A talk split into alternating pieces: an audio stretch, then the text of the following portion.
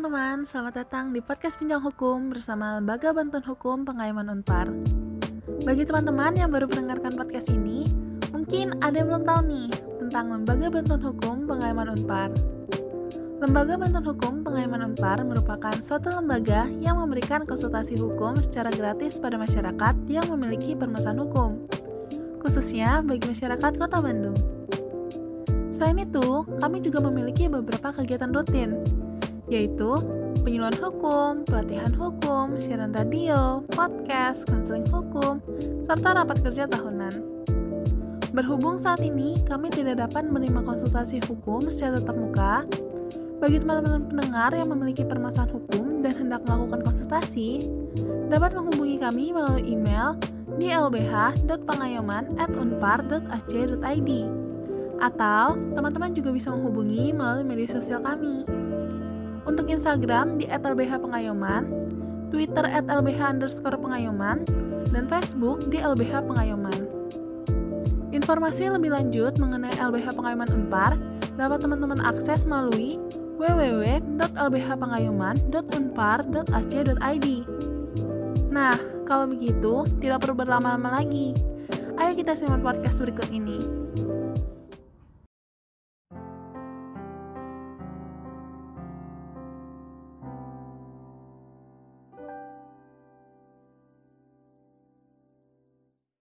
Halo para pendengar, kembali lagi di podcast Pinjam Hukum bersama Lembaga Bantuan Hukum Payaman Unpar. Kenalin nih, aku Joseph, salah satu relawan LPH Payaman Unpar yang menjadi MC pada podcast kali ini. Nah, para pendengar, seperti biasa, aku nggak sendirian nih. Aku ditemani rekan aku dari LPH Payaman Unpar, yaitu Tiara. Halo Tiara. Halo Chef, gimana nih kabar kamu? Puji Tuhan, kabarku baik dong, Ti. Kok kamu sendiri gimana, Ti? Aku juga baik, Chef. Eh, Chef, podcast kita kali ini kayaknya beda ya dari biasanya. Oh iya, bener banget, Ti. Episode podcast kita kali ini spesial loh, Ti. Kira-kira kenapa sih spesial, Chef? Nah, episode kali ini merupakan episode spesial dari LBH Payaman Unpar untuk merekap semua kegiatan yang dilakukan LBH Payaman Unpar pada tahun 2022. Wah, menarik banget sih, Chef. Kira-kira LBH Pengayoman Unpar nih udah ngelakuin kegiatan apa aja ya? Hmm, tapi, Chef, di episode kita kali ini, kita juga bakalan cerita-cerita bareng kepala dan rekan-rekan yang ada di balik layar LBH Pengayoman Unpar. Betul nggak sih, Chef? Betul banget dong, Ti. Buat para pendengar yang belum tahu, kepala dari LBH Pengayoman Unpar saat ini adalah Bapak Valerianus Biate Janu SHMA. Selain itu, juga terdapat dosen-dosen pendamping siaran radio dan podcast yaitu Ibu Dian Francisca Dumaris Sitanggang SHMH dan Bu Theodora Prita Dianing Saputri SHLLM yang diketuai oleh Ibu Rismawati SHMH. Lalu, juga terdapat seluruh dosen Fakultas Hukum Unpar yang ikut mendampingi dalam rangkaian kegiatan LBH Payaman Unpar. Nah, tapi Ti, kita sekarang juga terdapat anggota baru loh, Mungkin kita langsung aja nih kenalan ya. Halo Priska, Raymond, Giselle, Adam, dan Sema. Boleh ceritanya nih kesannya selama bergabung di LBH? Pertama kali tahu aku lolos masuk LBH, jujur aku seneng banget. Karena akhirnya sesuatu yang aku pengen dari awal masuk Eva Unpar bisa terwujud. Selain itu, jujur aku bangga banget bisa melewati seluruh tahapan seleksi dan akhirnya menjadi bagian dari LBH Pengayoman Unpar. Nah, selama satu bulan di sini juga, aku dapat keluarga baru dan pengalaman baru terakhir buat aku pribadi bergabung di LBH ini membuat aku juga banyak mendapatkan ilmu berbeda dengan Priska, aku pasti terkejut sama terharu ya karena bisa masuk ke LBH yang bisa membantu aku bertumbuh dan berproses selama kuliah. Awalnya aku nggak percaya diri kalau aku bakal keterima. Selain itu, aku juga senang banget bisa membantu menyelesaikan permasalahan hukum dalam masyarakat secara nyata. Untuk pengalaman saat ini, aku mendapat ilmu hukum yang tidak aku dapatkan di kelas dan bisa bersosialisasi dengan kakak-kakak di LBH. Di sini juga aku disambut baik oleh kakak-kakak LBH yang membantu aku untuk menyesuaikan diri lebih cepat.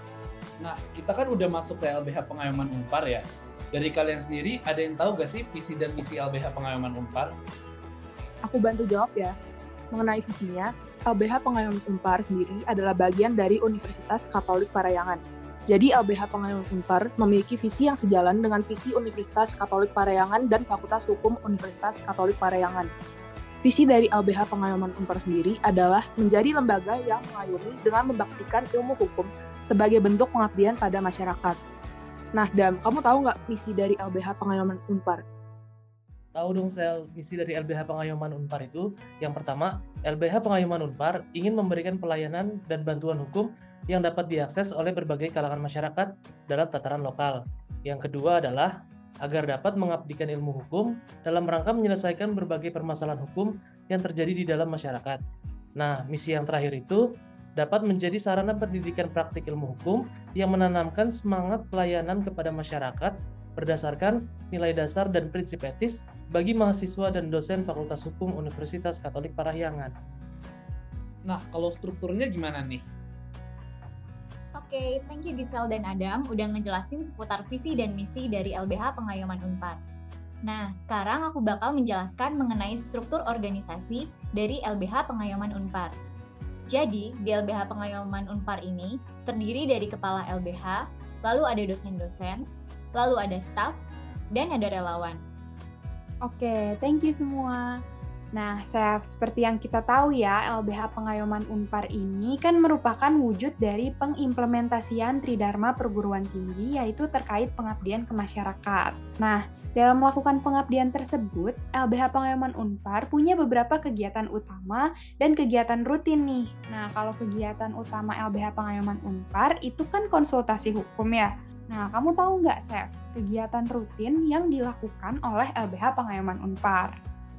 Tentu aku tahu dong, Ti. Kegiatan rutin yang dilakukan LBH Pengayoman Unpar itu antara lainnya adalah siaran radio, podcast, konseling hukum, pelatihan hukum, pendidikan dan pelatihan atau diklat, rapat kerja, fakta hukum, dan kegiatan lain-lain. Nah, kamu tahu nggak Siti, kalau di LBH Pengayoman Unpar itu terdiri dari beberapa penanggung jawab? Tahu dong, Chef. Jadi di LBH Pengayoman Unpar itu terdiri dari PJ Siaran dan Podcast, PJ Berkas, serta PJ Media dan Komunikasi. Nah, tapi nih Chef, kamu tahu nggak kalau di tahun 2022 ini terdapat beberapa perubahan dan penambahan terkait PJ yang udah aku sebut tadi. Oh, tentu aku tahu banget dong, Tiji. Jadi, di tahun 2022 terdapat tambahan PJ, yaitu PJ penyuluhan dan PJ perpustakaan. Selain itu, PJ siaran dan podcast yang awalnya digabung, sekarang menjadi terpisah, yaitu menjadi PJ siaran radio dan PJ podcast. Nah, para pendengar, selanjutnya seperti yang sudah aku sebutkan tadi ya, kegiatan utama kita itu kan konsultasi hukum. Nah, mungkin Kak Friska bisa nih jelasin lebih rinci ke para pendengar mengenai konsultasi hukum LBH Pengayoman Unpar yang sudah berjalan di tahun 2022. Halo Kak Friska, boleh nih dijelasin ke para pendengar. Oke, thank you Tiara dan Joseph. Jadi, pada kesempatan kali ini, aku akan menjelaskan kegiatan konsultasi hukum LBH Pengayoman Unpar. Seperti yang disebutkan sebelumnya oleh Tiara, konsultasi hukum merupakan kegiatan utama dari LBH Pengayoman Unpar, di mana LBH Pengayoman Unpar menangani permasalahan dan pertanyaan-pertanyaan hukum dari klien yang mendatangi LBH Pengayoman Unpar. Untuk teman-teman yang belum tahu, sejak pertengahan tahun 2022, LBH Pengayoman Unpar telah kembali aktif menangani klien secara luring loh, atau langsung di kantor. Tapi tentunya kami tetap membuka sarana konsultasi secara daring, baik melalui WhatsApp, email, Instagram, Facebook, maupun media sosial lainnya.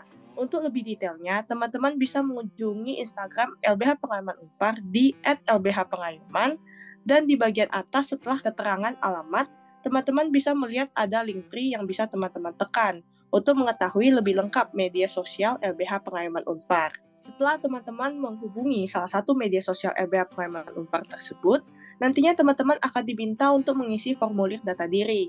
Nah, teman-teman harus mengisi sendiri ya formulir data diri tersebut. Dan teman-teman tidak usah khawatir, karena informasi data yang kami terima akan selalu kami jaga kerahasiaannya. Apabila teman-teman telah mengisi formulir data diri tersebut, akan dikirimkan nomor WhatsApp salah satu anggota LBH Pengaman Unpar yang akan menjadi person in charge pada kasus teman-teman.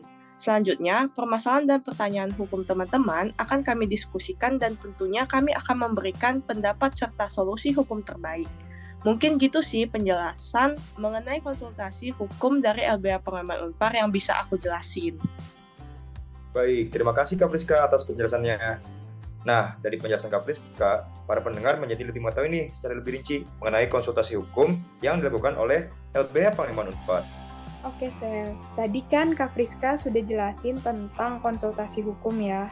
Nah, seperti yang kita tahu, dengan melakukan konsultasi hukum, LBH Pengayoman Unpar akan menangani permasalahan hukum yang dihadapi oleh klien.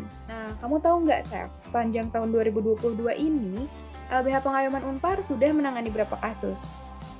Oh, tentu aku tahu dong, Ti. Selama tahun 2022, total kasus yang pernah ditangani oleh LBH Pengayoman Unpar adalah sebanyak 59 kasus. Betul banget, Chef.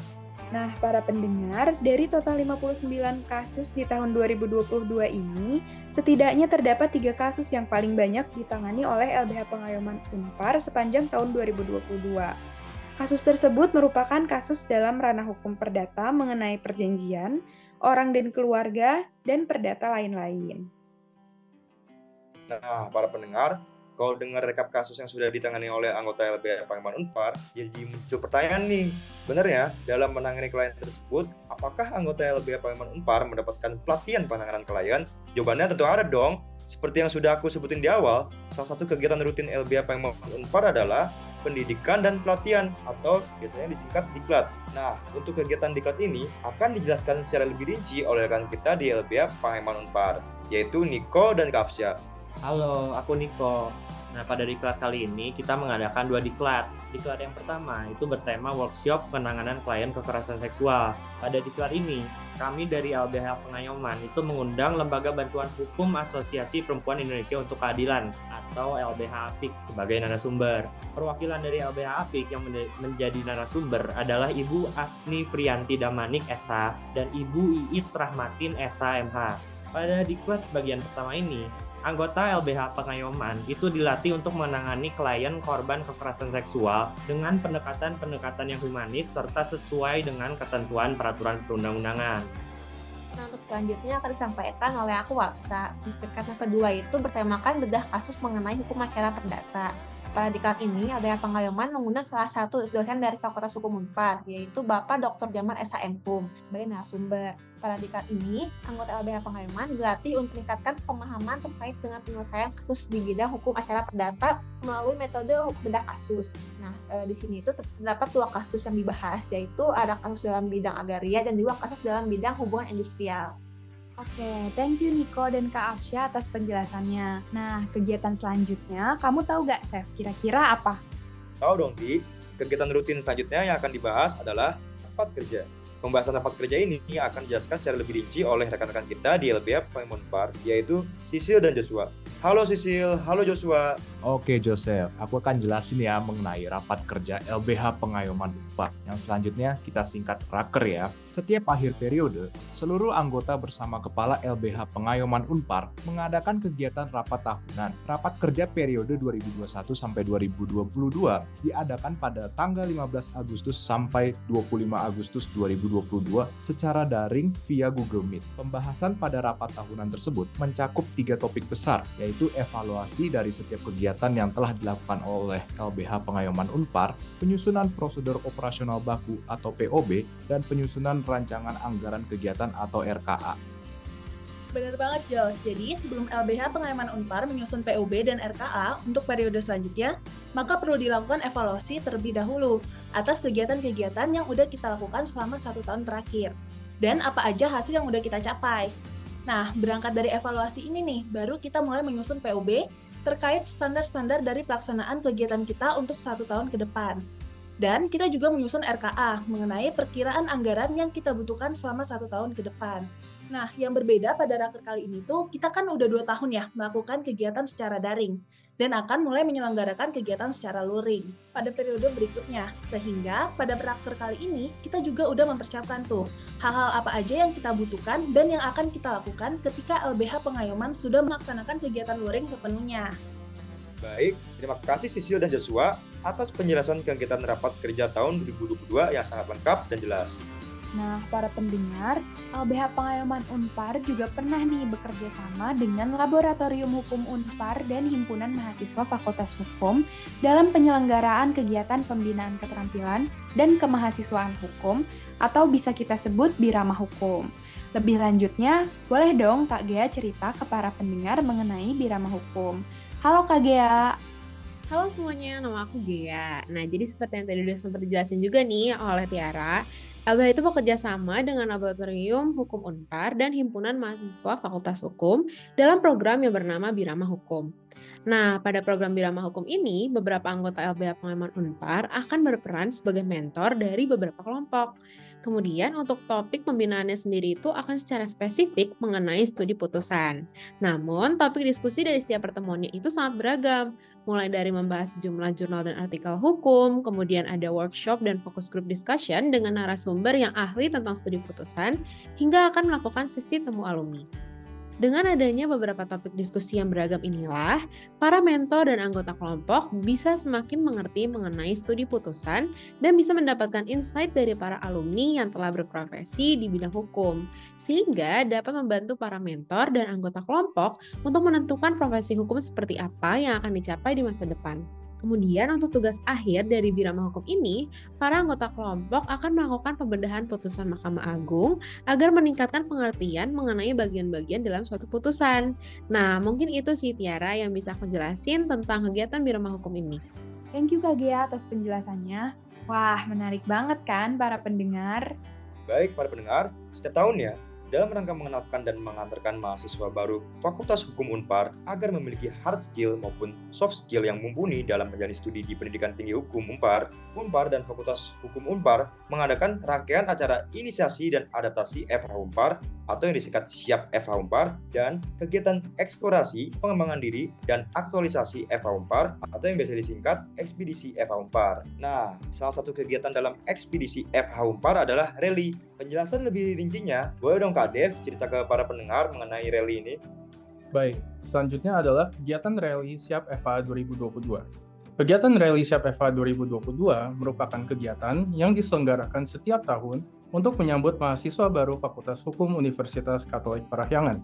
Dalam kegiatan ini, mahasiswa baru diperkenalkan terhadap organisasi-organisasi dan lembaga independen hukum yang ada di Fakultas Hukum Unpar, di mana salah satu yang diperkenalkan adalah LBH Pengayuman Unpar sebagai lembaga yang berada di bawah naungan Fakultas Hukum Unpar kepada para mahasiswa baru. Selain itu, kami juga menginformasikan kegiatan-kegiatan apa saja yang kami laksanakan, struktur organisasi kami, syarat pendaftaran, serta membuat beberapa permainan kecil yang berkaitan dengan lembaga kami untuk menarik perhatian para mahasiswa baru dalam bergabung dengan Lembaga Bantuan Hukum Pengayaman Unpar. Terima kasih Kak atas penjelasannya mengenai rally yang sangat komprehensif. Nah, mungkin kita bisa lanjut nih para pendengar. Aku mau nanya nih ke Tiara, kamu tahu nggak sih pada tahun 2022, LBH Pangeman Unpar juga memiliki kegiatan lainnya yang bekerja sama dengan Fakultas Hukum Universitas Pajajaran dan pengurus wilayah Jawa Barat Ikatan Pejabat Pembuat Akta Tanah atau yang disingkat Pengwil Jabar IPPAT. Tahu dong, Chef. Kegiatan tersebut merupakan kegiatan talk show interaktif. Nah, untuk lebih lengkapnya, boleh nih Kak Brian dan Kalista ceritain ke para pendengar.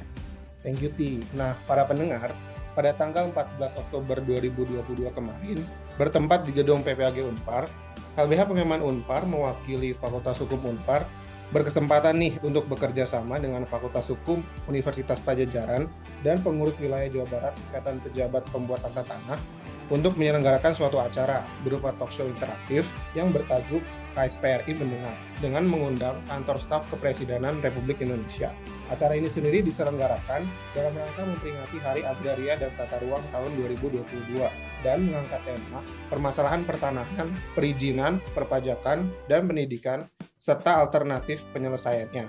Acara ini mengundang berbagai pakar dan ahli untuk menjadi narasumber dan moderator, yang salah satunya adalah Kepala Staf Kepresidenan Republik Indonesia, Bapak Jenderal TNI Purnawirawan Muldoko. Bener banget, Bri. Nah, talk show interaktif ini sangat memberikan banyak ilmu ya buat anggota LBH Pengayoman PAR. Karena dalam memberikan bantuan hukum, tidak jarang nih ditemukan berbagai persoalan di bidang pertanahan. Sehingga penyelenggaraan acara ini dapat menjadi wadah dan kesempatan untuk mempertanyakan, mengklarifikasi, dan mendapatkan penjelasan yang lebih menyeluruh nih terkait berbagai aspek pada bidang agraria dari para sumber dan moderator yang ada. Nah, oleh karena itu, acara ini juga memfasilitasi layanan konsultasi bersama kantor staf kepresidenan bagi para peserta yang terdiri dari berbagai kalangan, mulai dari akademisi, notaris, PPAT, dan mahasiswa, serta masyarakat pada umumnya. Gitu sih, Ti. Nah, jadi gitu, Chef, seputar kegiatan talk show interaktif yang diselenggarakan IPPAT dengan anggota LBH Pengayoman Unpar yang menjadi bagian dari panitia acara tersebut. Wah, menarik banget ya, Ti. Kita menjadi punya banyak pengalaman nih di LBH Pengayoman Unpar.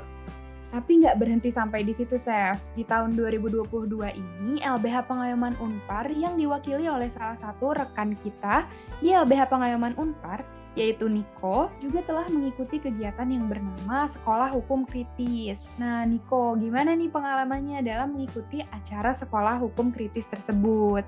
Jadi, aku berkesempatan mewakili LBH Pengayoman Unpar untuk mengikuti Sekolah Hukum Kritis pertama yang diselenggarakan oleh LP3IS dan Universitas Brawijaya. Sekolah Hukum Kritis ini merupakan program pembinaan yang diisi oleh narasumber-narasumber yang berkompeten di bidang critical legal studies, di antaranya Bapak Herlambang, Mbak Milda, Bapak Fahriza, Bu Lena, Bapak Yance, Bapak Widodo, Mbak Mia, dan Bapak Ali Safaat. Materi-materi yang diberikan juga sangat bermakna, misalnya mengenai filsafat hukum kritis, diskursus hukum kritis, legal feminism theory, dan lain-lain dari materi-materi tersebut, aku belajar bahwa anggota dari suatu lembaga bantuan hukum perlu memandang hukum sebagai suatu produk yang tidak netral. Artinya pasti terdapat hal-hal non-hukum di dalamnya sehingga hukum harus dipahami sebagai ilmu yang bersifat multidisipliner. Akan menjadi berbahaya apabila anggota lembaga bantuan hukum itu memiliki pemikiran yang positivistik seperti tidak berpihak kepada masyarakat sehingga lembaga bantuan hukum itu dapat kehilangan esensinya. Wah, beruntung sekali Niko telah berkesempatan untuk mengikuti sekolah hukum kritis. Nah, para pendengar, seperti yang sudah dijelaskan di awal, bahwa salah satu kegiatan rutin LBH Pengayoman Unpar adalah penyuluhan. Namun, kegiatan ini sempat tidak terlanjut sejak tahun 2021 akibat adanya pandemi COVID-19. Betul banget, Ti. Kegiatan penyuluhan sempat berhenti sejak tahun 2021 karena terjadinya pandemi COVID-19. Tetapi dikarenakan pada periode 2022 sampai 2023, LBH Pengaman Unpar mulai melakukan kegiatan dilakukan secara luring. Maka, sebagai salah satu bentuk untuk menghidupi kembali kegiatan penyuluhan LBH Pengaman Unpar, aku bersama rekanku, Joshua, diberi kesempatan mengikuti pengabdian masyarakat dalam rangka program kompetisi Kampus Merdeka tahun 2022 yang dilakukan pada tanggal 26 sampai 29 September 2022 di Desa Ciklat, Kecamatan Solok, Kabupaten Sukabumi. Dalam kesempatan tersebut, kami telah mengunjungi kantor Dinas Pemberdayaan Masyarakat dan Desa atau DPMD Kabupaten Sukabumi dan kantor Desa Ciklat Kecamatan Cisolok, Kabupaten Sukabumi. Ya, Chef. Pada tanggal 27 Oktober 2022, kita diberi kesempatan mewakili LBH Pengayoman Unpar untuk bertemu dengan pihak kantor DPMD Kabupaten Sukabumi. Dalam kesempatan ini, pihak Universitas Katolik Parahyangan yang diwakili oleh Bapak Adrianus Adityo Vito Ramon SHLLM dan Bapak Valerianus BAT Jehanu SHMH berdiskusi dengan pihak kantor DPMD Kabupaten Sukabumi mengenai kerjasama antara Kabupaten Sukabumi dengan Universitas Katolik Parahyangan dan pengembangan desa-desa di wilayah Kabupaten Sukabumi. Setelah itu, pada tanggal 27 sampai 28 Oktober 2022, kami bersama pihak Unpar juga mengunjungi Desa Ciklat. Tujuan kunjungan ini adalah untuk berdiskusi dengan pihak Desa Ciklat, menyerap aspirasi-aspirasi petani pisang, dan melakukan fokus group discussion mengenai pendirian badan usaha milik desa atau BUM desa di Desa Ciklat. Wah, seru banget ya. Kita jadi mendapatkan pengalaman gimana sih rasanya terjun langsung ke lapangan untuk memberikan penyuluhan hukum kepada masyarakat. Nah, mungkin kita bisa lanjut nih para pendengar.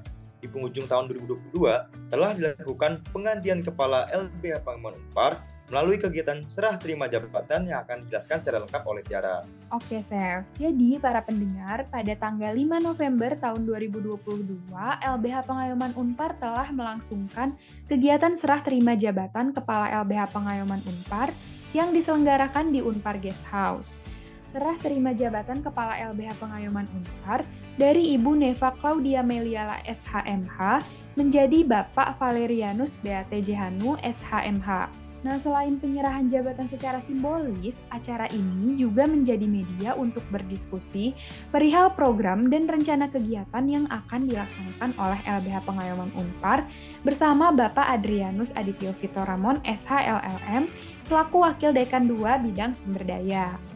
Nanti seperti yang sudah disinggung di awal, bahwa LBH Pemimon Unpar telah menerima beberapa relawan baru melalui kegiatan Open Recruitment di penghujung akhir tahun 2022, tepatnya di bulan November. Boleh nih relawan baru jelasin gimana sih pengalamannya mengikuti Open Recruitment kemarin? Oke, aku jelasin ya Kak, pengalaman yang aku alami ketika Open Recruitment LBH Pengayoman Unpar. Waktu itu, aku bener-bener pantauin terus salah satu media sosial LBH Pengayoman Unpar, yaitu Instagram, biar nggak ketinggalan informasi. Nah, untuk mendaftar sebagai relawan LBH Pengayoman Unpar, kita harus memenuhi beberapa persyaratan terlebih dahulu, yaitu satu, merupakan mahasiswa-mahasiswi aktif Fakultas Hukum Universitas Katolik Parahyangan. Dua, sedang menempuh atau telah lulus 60 SKS. Dan yang ketiga, indeks prestasi kumulatif atau IPK minimal 2,75. Kalau calon relawan telah memenuhi syarat-syarat yang seperti dijelaskan oleh Syaima, maka akan ada beberapa berkas yang perlu dikumpulkan melalui email LBH Pengayoman Unpar, yaitu yang pertama motivation letter, yang kedua surat lamaran magang, yang ketiga kurikulum vitae atau CV, yang keempat daftar perkembangan studi, yang kelima pas foto 3 kali 4 sebanyak satu buah, yang keenam jadwal perkuliahan. Nah, berkas-berkas tersebut dijadikan satu dalam bentuk PDF. Setelah mengumpulkan berkas-berkas tersebut dan dinyatakan lolos dalam tahap administrasi, maka tahap selanjutnya adalah tahap interview, di mana tahap ini akan menguji kemampuan-kemampuan dasar dalam hukum serta mengenal kepribadian dari calon relawan. Nah, jadi dari penjelasan Raymond, kita jadi tahu ya para pendengar berkas-berkas apa yang perlu dipersiapkan ketika akan mengikuti proses open recruitment LBH Pengayoman Unpar. Cuma aku mau nanya deh ke Raymond, Sebenarnya kenapa sih kamu sendiri daftar ke LBH Pengayoman Unpar? Nah, alasan aku daftar ke LBH Pengayoman Unpar karena aku bisa mendapatkan beberapa keuntungan seperti mendapatkan pengalaman magang di bidang hukum yang fleksibel dengan jadwal perkuliahan. Dan ilmu hukum yang diperoleh dapat disalurkan langsung untuk membantu masyarakat. Wah, walaupun melalui proses rekrutmen yang cukup panjang, tapi selamat ya kepada kalian yang sudah diterima di LBH Pengayoman Unpar. Karena untuk ke depannya, kalian pasti akan mendapatkan banyak pengalaman yang sangat bermanfaat dan dapat mengembangkan pengetahuan hukum serta soft skill kalian di LBH Pengayoman Unpar. Setuju banget, Chef. Nah, para pendengar, berkaitan dengan salah satu PJ nih, yakni PJ siaran, di akhir tahun 2022 kita juga menyelenggarakan salah satu program kerja dari PJ siaran, yaitu diskusi publik Undang-Undang Pelindungan Data Pribadi atau UU PDP. Mungkin untuk rincinya, boleh kali ya Shen untuk dijelasin sedikit mengenai diskusi publik UU PDP. Halo para pendengar, kenalin aku Shannon, salah satu relawan di LBH Pengayoman Unpar. Kami, LBH Pengayoman Unpar, selalu berusaha meningkatkan kinerja untuk menjadi lebih baik dalam memberikan pelayanan pengetahuan hukum kepada masyarakat. Salah satu perwujudan konkretnya, kami menyelenggarakan diskusi publik Undang-Undang Nomor 27 Tahun 2022 tentang perlindungan data pribadi atau selanjutnya aku sebut UU PDP yang bertemakan masa depan perlindungan data pribadi dan tantangannya. Acara ini diselenggarakan pada tanggal 19 Desember 2022. Dalam kesempatan diskusi publik ini, aku dipercaya menjadi moderator bersama rekanku Joseph Henok. Adapun urgensi kami mengangkat diskusi publik ini adalah maraknya kasus kebocoran dan penyalahgunaan data pribadi yang sehingga memicu lahirnya UU PDP. Memang pada dasarnya data pribadi merupakan hal yang krusial bagi setiap individu untuk dilindungi eksistensinya. Akan tapi, lahirnya UU PDP ini masih menjadi polemik tersendiri. Apakah UU PDP seutuhnya sebagai jawaban atas perlindungan data pribadi di Indonesia, atau masih terdapat banyak catatan kritik potensi problematika dengan disahkannya UU PDP? Oleh karena itu, kami mendapatkan kesempatan untuk berdiskusi bersama para narasumber yang ahli di bidangnya yakni Dr. Rahmani Puspita Dewi SAM dosen Fakultas Hukum Unpar yang mengkaji UU dari sisi akademisi. Kami juga kedatangan para praktisi yakni Bapak Arieta Alaisen sendiri LLB LLM, selaku partner litigasi hukum teknologi di Tribuna at Law, serta Bapak Joshua Sitompo SHMM PhD, selaku Koordinator Hukum dan Kerjasama Direktorat Jenderal Aplikasi Informatika, Kementerian Komunikasi dan Informatika Republik Indonesia. Dalam diskusi ini juga spesial karena salah satu relawan LB Pengayom Unpar, yakni Nikolas Yanto dapat menyampaikan pendapat dan kajian kritis terhadap UU PDP sendiri. Poin-poin sorotan mengenai kritik penyusunan dan potensi problematika UU PDP ini semata-mata adalah bentuk kritik praktisi hukum mewakili masyarakat sipil. Masyarakat sipil menganggap undangannya UU PDP ini berjalan lancar dan baik. Bila ditelaah lebih lanjut, memiliki sejumlah poin yang perlu penjelasan lebih lanjut agar tidak menjadi undang-undang yang bisa bermata dua. Diskusi publik ini bertujuan untuk mensosialisasikan dan memberikan kritik terhadap substansi maupun penegakan dari UU PDP itu sendiri, sehingga diharapkan dengan adanya pembedahan UU PDP ini akan membantu masyarakat dalam memahami pentingnya melakukan pelindungan data pribadi dan sebagai catatan kritis yang diharapkan tertuang dalam peraturan pelaksanaannya. Wah, aku dan Shannon sangat senang nih telah diberi kesempatan untuk menjadi moderator di acara diskusi publik UPDP karena itu merupakan pengalaman yang sangat bermanfaat bagi kita. Nah, para pendengar, diskusi publik UPDP ini menjadi kegiatan terakhir yang dilaksanakan oleh LBH Pemon Unpar di tahun 2022. Bener nggak, Ti? Bener, Chef dari perbincangan kita sebelumnya, kita jadi tahu ya kalau di tahun 2022 ini kita udah banyak sekali mengikuti beragam kegiatan, baik menjadi penyelenggara kegiatan maupun bekerja sama dengan organisasi lain dan menjadi bagian dari suatu kegiatan itu sendiri. Iya bener banget nih, kegiatan yang kita lakukan sekarang juga lebih banyak luring ya dibanding dengan daring seperti tahun lalu. Maka dari itu, ilmu dan pengalaman yang kita dapatkan juga semakin bertambah. Iya, Chef. Selain itu, dengan keadaan luring ini, PJ yang dibutuhkan juga semakin banyak ya. Beberapa PJ tambahan setelah luring ini ada PJ perpustakaan, ada PJ penyuluhan, dan PJ siaran yang menjadi terpisah dengan PJ podcast. Nah, semua kegiatan ini dapat berjalan dengan lancar, tentu tidak terlepas dari dukungan dan bimbingan dari Kepala LBH Pengayoman Unpar, yaitu Bapak Valerianus Betae SHMH. Nah, dari itu, kalau dari Pak Validi sendiri, apakah terdapat harapan-harapan untuk LBH Pengaman Unpar di tahun 2023? harapan-harapan dari saya untuk tahun 2023 ini. Prinsipnya apa yang sudah baik, yang sudah dilakukan sebelumnya harus tetap dipertahankan dan berbagai cita-cita yang kita sudah banyak diskusikan selama 2022, khususnya yang terkait dengan peningkatan kualitas layanan dari LBH itu eh, menjadi cita-cita besar untuk 2023. Ya. Ada banyak visi yang kita upayakan mulai dari digitalisasi dan lain sebagainya itu kita harapkan akan bisa direalisasikan di 2023. Dan yang paling penting adalah perbaikan eh, kualitas layanan yang mengandalkan kerjasama kolaborasi dengan berbagai kelompok baik di internal Unpar maupun dengan eksternal. Kerjasama itu tidak terelakkan, kolaborasi tidak terelakkan karena banyak persoalan hukum yang tidak mungkin akan diselesaikan oleh lembaga bantuan hukum pengayoman seorang diri. Jadi kerjasama itu jadi hal yang mutlak yang harus dikerjakan dan digarap dan dari kolaborasi itu diharapkan akan menghasilkan sinergi yang membuat kehadiran LBH pengayoman di tengah masyarakat itu menjadi kian terasa itu mungkin ya harapan-harapan yang mari kita wujudkan bersama untuk menyongsong tahun 2023 ini. Wah, baik Pak. Terima kasih Pak Valeri atas harapan-harapan yang disampaikan. Semoga segala harapan dan cita-cita yang Bapak sampaikan semuanya dapat terwujud di tahun 2023. Setelah itu, semoga dengan segala harapan tersebut, LBH Pengalaman Unpar dapat membantu masyarakat dengan lebih baik lagi ya Pak, dan juga bermanfaat bagi kita semua agar LBH Pengalaman Unpar semakin maju. Bener banget, Sel. Tapi tidak terasa ya para pendengar, perbincangan kilas balik tahun 2022 ini kita sudah berada pada penghujung acara. Pertama-tama, aku mau ngucapin terima kasih kepada Pak Valeri dan rekan-rekan semua atas semangat dan kerjasamanya di tahun 2022. Semoga di tahun 2023 ini kita bisa bekerja sama dengan lebih baik lagi. Tidak lupa juga, aku ingin mengucapkan terima kasih untuk partner MC ku Joseph pada episode podcast kali ini. Thank you, Chef. Kemudian, terima kasih pula kepada para pendengar yang telah setia mendengarkan podcast Bincang Hukum bersama LBH Pengayoman Unpar. Nantikan terus ya episode terbaru dari Bincang Hukum di tahun baru ini. Sampai jumpa dan salam sehat.